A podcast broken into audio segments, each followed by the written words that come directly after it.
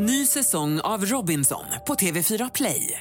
Hetta, storm, hunger. Det har hela tiden varit en kamp. Nu är det blod och tårar. Fan händer just nu. Det. är Detta är inte okej. Robinson 2024, nu fucking kör vi! Streama söndag på TV4 Play.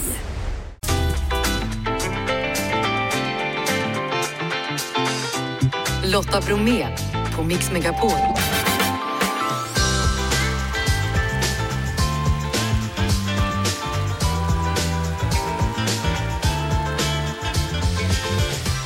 Hallå där och varmt välkommen in till oss denna torsdag. I dagens mix, förutom en massa bra musik, Ruset. Nu kommer den första svenska dramaserien specialskriven för TikTok. Pascal Engman, nu är succéförfattaren aktuell med ännu en bestseller. Och tänka sig så heter boken också. Och så är det dags att hålla i er för nu ska det verkligen blåsa runt om i Sverige. SMHI varnar för urstarka vindar. Och så ska vi hitta en vinnare som får gå på vår nallekonsert och jag säger också hallå till Glenn Hussein som står på scen i afton. Så känner ni er redo Jeff? Ja. Janne? Det vet du. Då kör vi! Och nu ska vi prata med en deckarförfattare. I mars så kom boken Skammens väg som han skrivit tillsammans med Johannes Selåker men nu är han aktuell med en ny bok som han skrivit på egen hand. Då. Bestseller heter den. Välkommen hit Pascal Engman. Tack så jättemycket. Ja du, vi konstaterar här i Mix Megapol att boken är redan slutsåld fast den knappt kommit ut. Ja, Bestseller heter boken, berätta. Ja då och då blir jag kontaktad av olika ja, men kriminella personer som vill att jag ska skriva böcker om dem eller med dem och så. Eller som vill berätta sin historia för mig helt enkelt. Och eh, då var det en person som, jag kan inte säga hans namn, men en väldigt känd svensk kriminell person som eh, hade ett projekt som han ville att jag skulle delta i. Och jag blev väldigt intresserad av det här, så jag tackade ja till att göra det. Så allt det kokade ner till den här boken. Är det inte läskigt att bli kontaktad av den typen av människor? Eller har jag fördomar? Nej, de är ju väldigt trevliga. De vill ju att jag ska skriva en bok om dem oftast, eh, så de är ju supertrevliga. Sen håller jag inte med om liksom, de livsval de har gjort. Jag vet att många av dem har gjort liksom, förfärliga jävla saker. Men jag ser det ändå som ett kvitto på att jag håller mig nära verkligheten även när jag skildrar liksom, kriminella i mina böcker. För det är det de säger när de ringer, att de tycker att jag skriver om kriminalitet på ett icke-glorifierande sätt, utan jag skriver mer hur det är. Liksom. Jag skulle just säga det, för att en del menar ju att gör inga intervjuer, lyssna inte på kriminella för du bara glorifierar det de håller på med. Ja, alltså jag vet inte. Jag, när jag träffade flest så här, gängkriminella, det var när jag skrev en bok som heter Kokain, det var två år sedan. Alla jag pratade med då ångrade att de hade gett sig in i den världen och ville lämna den. Men det slog mig häromdagen när jag ser de här liksom, rapporterna om 14-åringar som liksom hittas döda i skogar runt om i Sverige nu för tiden. Att hade jag skrivit kokain för två år sedan, då hade jag skrivit om 13, 14, 15-åringar. Och jag tror att dagens liksom, de här unga gängkriminella, de vill inte lämna kriminaliteten. Så det är en skillnad man kan se på bara två år. Liksom. Och det är så jävla hemskt. Bestseller som bland annat då handlar om kriminella nätverk. Du hamnar verkligen rätt i tiden. Ja, jag har en tendens att göra det tänkte jag säga. Och det jag fokuserar på bestseller också, det är väl någonting som jag tycker är väldigt skrämmande. Det är hur liksom, gängkriminaliteten äter sig in i de samhälleliga institutionerna. Vi har ju fått rapporter i veckan om eh, höga polischefer som berättar om eh, att man misstänker att gängkriminella infiltrerat polisen. Gängkriminella som driver vårdcentraler, vaccinationscentra. Jag har pratat med lärare, eller förlåt, anhöriga till lärare som berättar om att vissa lärare vågar inte ens orosanmäla vissa elever för att eh, de här eleverna har kopplingar till gängkriminalitet. Men det tydligaste tecknet på hur den organiserade brottsligheten äts in i de samhälleliga institutionerna helt enkelt, det är väl rättsväsendet där vi har haft tappat räkningen nu på hur många liksom, advokater som har missbrukat liksom, sitt uppdrag å det grövsta. Man har lämnat över mobiltelefoner till, till intagna, man har hjälpt dem att kommunicera. En advokat åtalades väl misstänkt för att liksom, ha hjälpt till att mörda en annan kriminell. Eller försö försökt mörda, för det blev aldrig någonting. Men det är, det det är skrämmande och det är, det är systemhotande på riktigt. Vanessa Frank är i alla fall med i boken, hon brukar ju vara det. Hon är med. Ja, utredaren och den här gången då handlar det om Stockholms gängkrig, internationell kokainhandel och korruption. V vad tänker du då? Dina böcker har ju liksom samröre med verkligheten och nutiden. Mm. Tänker du att de ska förändra någonting? Ja, det är väl dels ett sätt att skriva av mig, liksom, för att jag tror det är omöjligt att vara stockholmare eller att vara svensk i de här tiderna och inte påverkas av det vi ser sker. Det är, det är liksom det är 60-åriga kvinnor som skjuts ihjäl. Det jag tycker att man har missat lite i, i hela den här debatten, det måste jag säga ändå, det är liksom den här aspekten av den avhumanisering som har skett eh, mellan de här ungdomarna. Jag tror att det är en delförklaring till att de kan begå de här ja, vedervärdiga våldsdåden. De kan skjuta ihjäl jäm, jämnåriga, de kan spränga villor, eh, lägenheter och jag tror att det skulle inte vara möjligt utan alltså, avhumanisering och avhumanisering är ju en psykologisk försvarsmekanism. Så din förhoppning är att när vi läser dina böcker så får vi en inblick i en verklighet som vi kanske inte vågar Ja, ta till oss? Ja, det vet jag inte. Jag tror att det är svårt att missa liksom, all, allt som sker nu, men jag försöker väl bredda bilden lite och kanske ta upp lite nya fenomen som jag tror kommer. Jag tror att i mars i år hade man beslagtagit lika många 3D-printade vapen som man gjorde under hela 2022. 3D-printade vapen är alltså Ja men det hörs. Eh, Det, det är liksom vapen som vem som helst kan göra hemma. Fortfarande måste man ha vissa metalldelar till dem men de är väldigt svåra att spåra, väldigt billiga att producera. Ehm, och de här vapnen säljs till gängen idag. Och det är ju en del av bestseller också, det liksom skildrar hur, hur det fungerar med de här 3D-printade vapnen som vi kommer få se fler av i framtiden, det är jag övertygad om. Bestseller heter alltså boken, Pascal Engman är författare och alldeles strax ska vi prata om vem som egentligen skriver Camilla Läckbergs böcker. Det är Pascal Engman, senaste boken heter Bestseller, det är han som är dagens gäst här i Mix Megapol. I Bestseller så är det en författare som mördas strax innan bokmässan. Ja, på väg dit till och med. Och bokmässan var ju bara för ett litet tag sedan, hur hade du det Ja. där? Ja men det var roligt. Eh, bokmässan är alltid roligt, kul att träffa läsare. När man sitter och skriver själv så tänker man inte på att man har så många läsare som, som man faktiskt har. Och sen var det väl en ganska speciell bokmässa för mig också. Jag antar att du kommer komma in på det Lotta? Ja, jag vill ställa frågan, Ja. vem skriver Camilla Läckbergs böcker? Är det du? Nej, det är Camilla som gör det. Varför tror folk att det är du som skriver? Ja men det var väl en granskning i Kvartal, tror jag den heter, som pekade ut mig, där AI pekade ut mig som någon sorts spökskrivare till Camilla. Det stämmer inte vill jag börja med att säga väldigt tydligt. Jag jobbade som redaktör för fyra av hennes böcker och det var väl tre, fyra år sedan liksom. Det jag kände väl under hela den här bokmässan och de intervjuer jag medverkade i, det är att Ja, men det känns orättvist mot Camilla för jag vet själv hur irriterad jag skulle bli om någon annan pekades ut som författare till mina böcker. Hur var det att gå där då? Var det någon som undrade? Om det var, om det var. Jag kunde knappt gå en meter utan att någon eh, frågade mig. Så det var speciellt jag kommer ihåg när jag klev in där första dagen så hade jag med mig ett kamerateam också från Babel. Men jag, kom, jag, kunde läsa på folks läppar där folk sa, där är han, där är han. Det var väl kanske lite eh, härligt om det inte hade varit för, liksom, ja, just av den anledningen. Hur många var det som frågade på en dag då? Säkert 50 i alla fall. Och det var inte bara att de frågade, de sa, ja där är Camilla spökskrivare och det, jag fick höra det mycket i alla fall. Till och med Janne Josefsson var framme. Till och med Janne Josefsson, och då, då sträcker man ju på sig, det, det vet ju. Ja, jag fick försöka förklara för Janne då att det här stämmer inte och han, tydligen så skämtade han lite med, med mig också. Tur det va?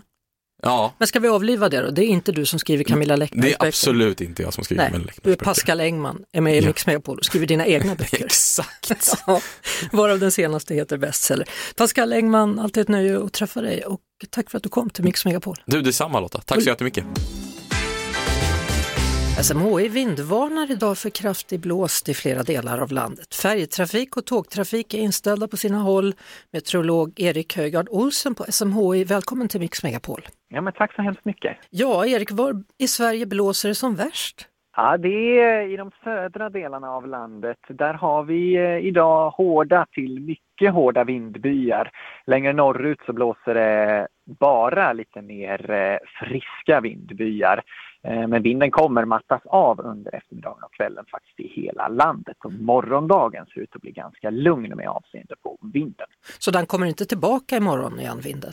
Jo, det gör den faktiskt, men det blir först imorgon kväll. Om jag får skifta lite fokus från vinden så är det faktiskt det som är mest intressant med morgondagens väder. Det är att vi har ganska så kraftigt regn som imorgon förmiddag drar in från sydväst över Götaland och som när det då imorgon kväll når upp till norra Norrland övergår i snö eller blötsnö som också det kan ge rikliga mängder. Och först därefter, när regnet rör sig bort från Götaland, ja men då blåser det återigen upp och eh, lördag morgon då skulle det faktiskt ut med västkusten kunna nå upp i stormstyrka. Eh, Färjetrafik och tågtrafik är inställda då, nämnde jag. Alltså, vad Mm. betyder det? Varför behöver man göra det? Just, eh, just färjetrafik och sådär kan ju vara känsliga för om vinden kommer från sidan. In över land så är det ju mer eh, kanske järnväg som kan vara känsligt för just trädfällning och då är ju träden känsliga. Men det handlar liksom inte om att tåg ska blåsa av rälsen. Nej, precis, utan det handlar om andra komplikationer som det kan ställa till med, till exempel som nedrivna kontaktledningar. Då.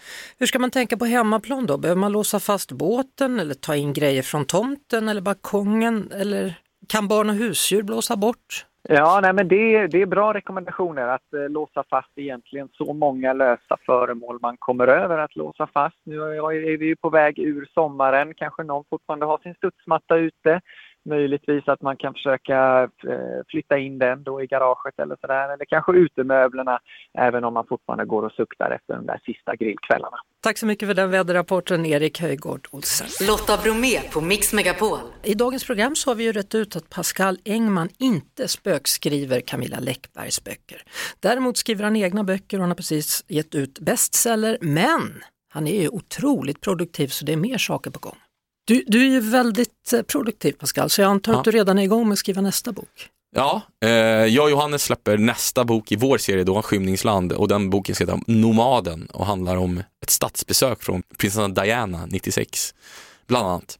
Och sen håller jag på att jobba på nästa Vanessa Frank-roman också som då kommer om ett år. Vad handlar det om den här gången? Ja, men det är människohandel skulle jag säga. Eh, det är ju världens tredje mest lukrativa liksom, eh, kriminella bransch eller vad man ska kalla den. Och den mest ökande. Ehm, det finns liksom nya så kallade pipelines nu som öppnas upp ehm, med flyktingar och de personer som liksom ligger bakom det här tjänar enorma summor. Jag tror inte man begriper hur mycket de tjänar men det är nästan lika mycket som ja, men liksom man gör på, på droger. Mm.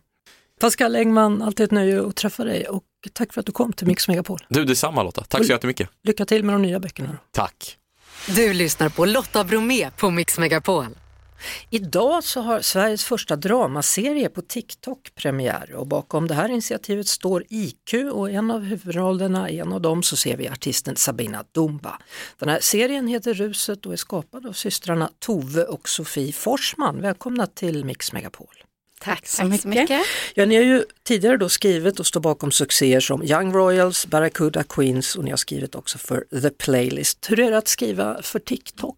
Först så tänkte vi väl att det skulle vara väldigt annorlunda. Det visade sig väl vara typ som vanligt fast väldigt mycket kortare. Vi brukar prata om att de första minuterna är väldigt viktiga i en tv-serie eller ett avsnitt.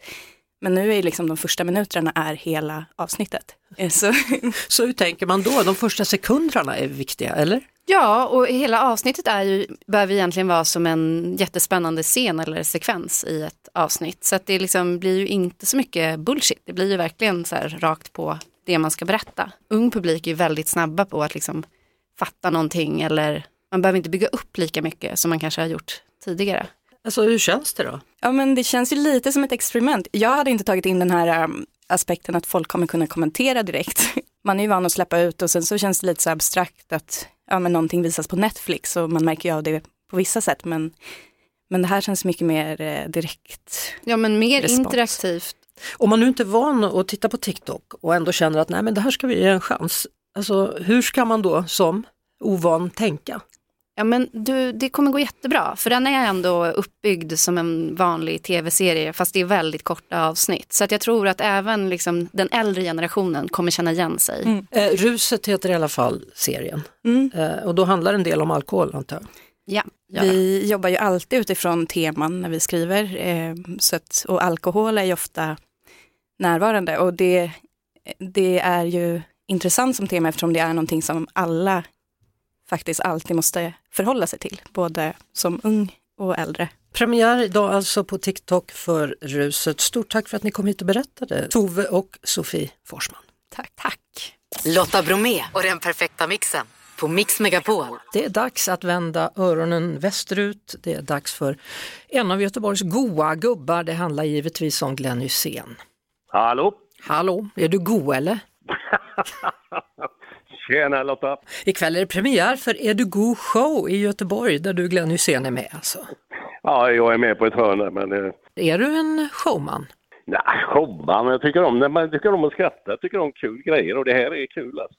Så ikväll blir det bara Göteborgsskämt? Det mesta är ju det. Det handlar ju om Göteborg 400 år och det här. Vi har ju genrepat en gång här så att det, vi har hört vissa grejer som är faktiskt jävligt roliga och han får ju till det på ett otroligt bra sätt också. Den du pratar om, jag antar att det är komikern Marcus Lesterqvist här som har satt ihop showen. Absolut, det är han som tjatar mest. Och han säger då att det är typ 20% som stämmer, resten är hittepå med mycket humor. Ja, men grunden är det ju fakta liksom, fast han får till det på ett eh, underbart bra sätt. Och sen har jag också förstått då att du ska sjunga ikväll Glenn, med husbandet då som består av delar av dansbandet Barbados. Vilken, Inget märkvärdigt kanske. vad ska du sjunga? Vad väljer du den afton? det, det, det, det är inte mycket kan jag säga. Jag har för mig att jag har sett dig sjunga i tv tidigare ihop med Linda Bengtzing, har jag rätt? Det stämmer, det stämmer. Det var ett program som hette eh, Rampfeber. Gick det bra då tyckte du? Ja, vi gick till final. Klarade oss bra fram dit, men sen glömde jag texten på Ring Ring. Kan man få ett smakprov på kvällens låt då?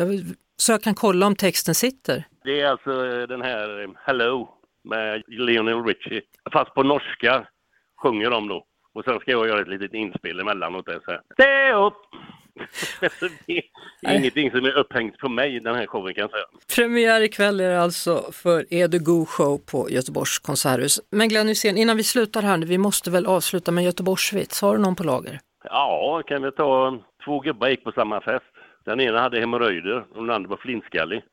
Vem av dem blev mest full och gick ifrån festen? Det vet du inte? Nej, det vet jag inte. Nej, men det var den flintskallige. Fan vad bra i rövan han kom. ha det jättegött! Vi säger tack och hej för idag då. Det är Janne, det är Jeanette, det är Krille och det är Lotta. Producent precis som vanligt Jeff Neumann och vi hörs igen imorgon efter klockan 16. Nu kommer alldeles strax Erik Myrlund. Ett poddtips från Podplay.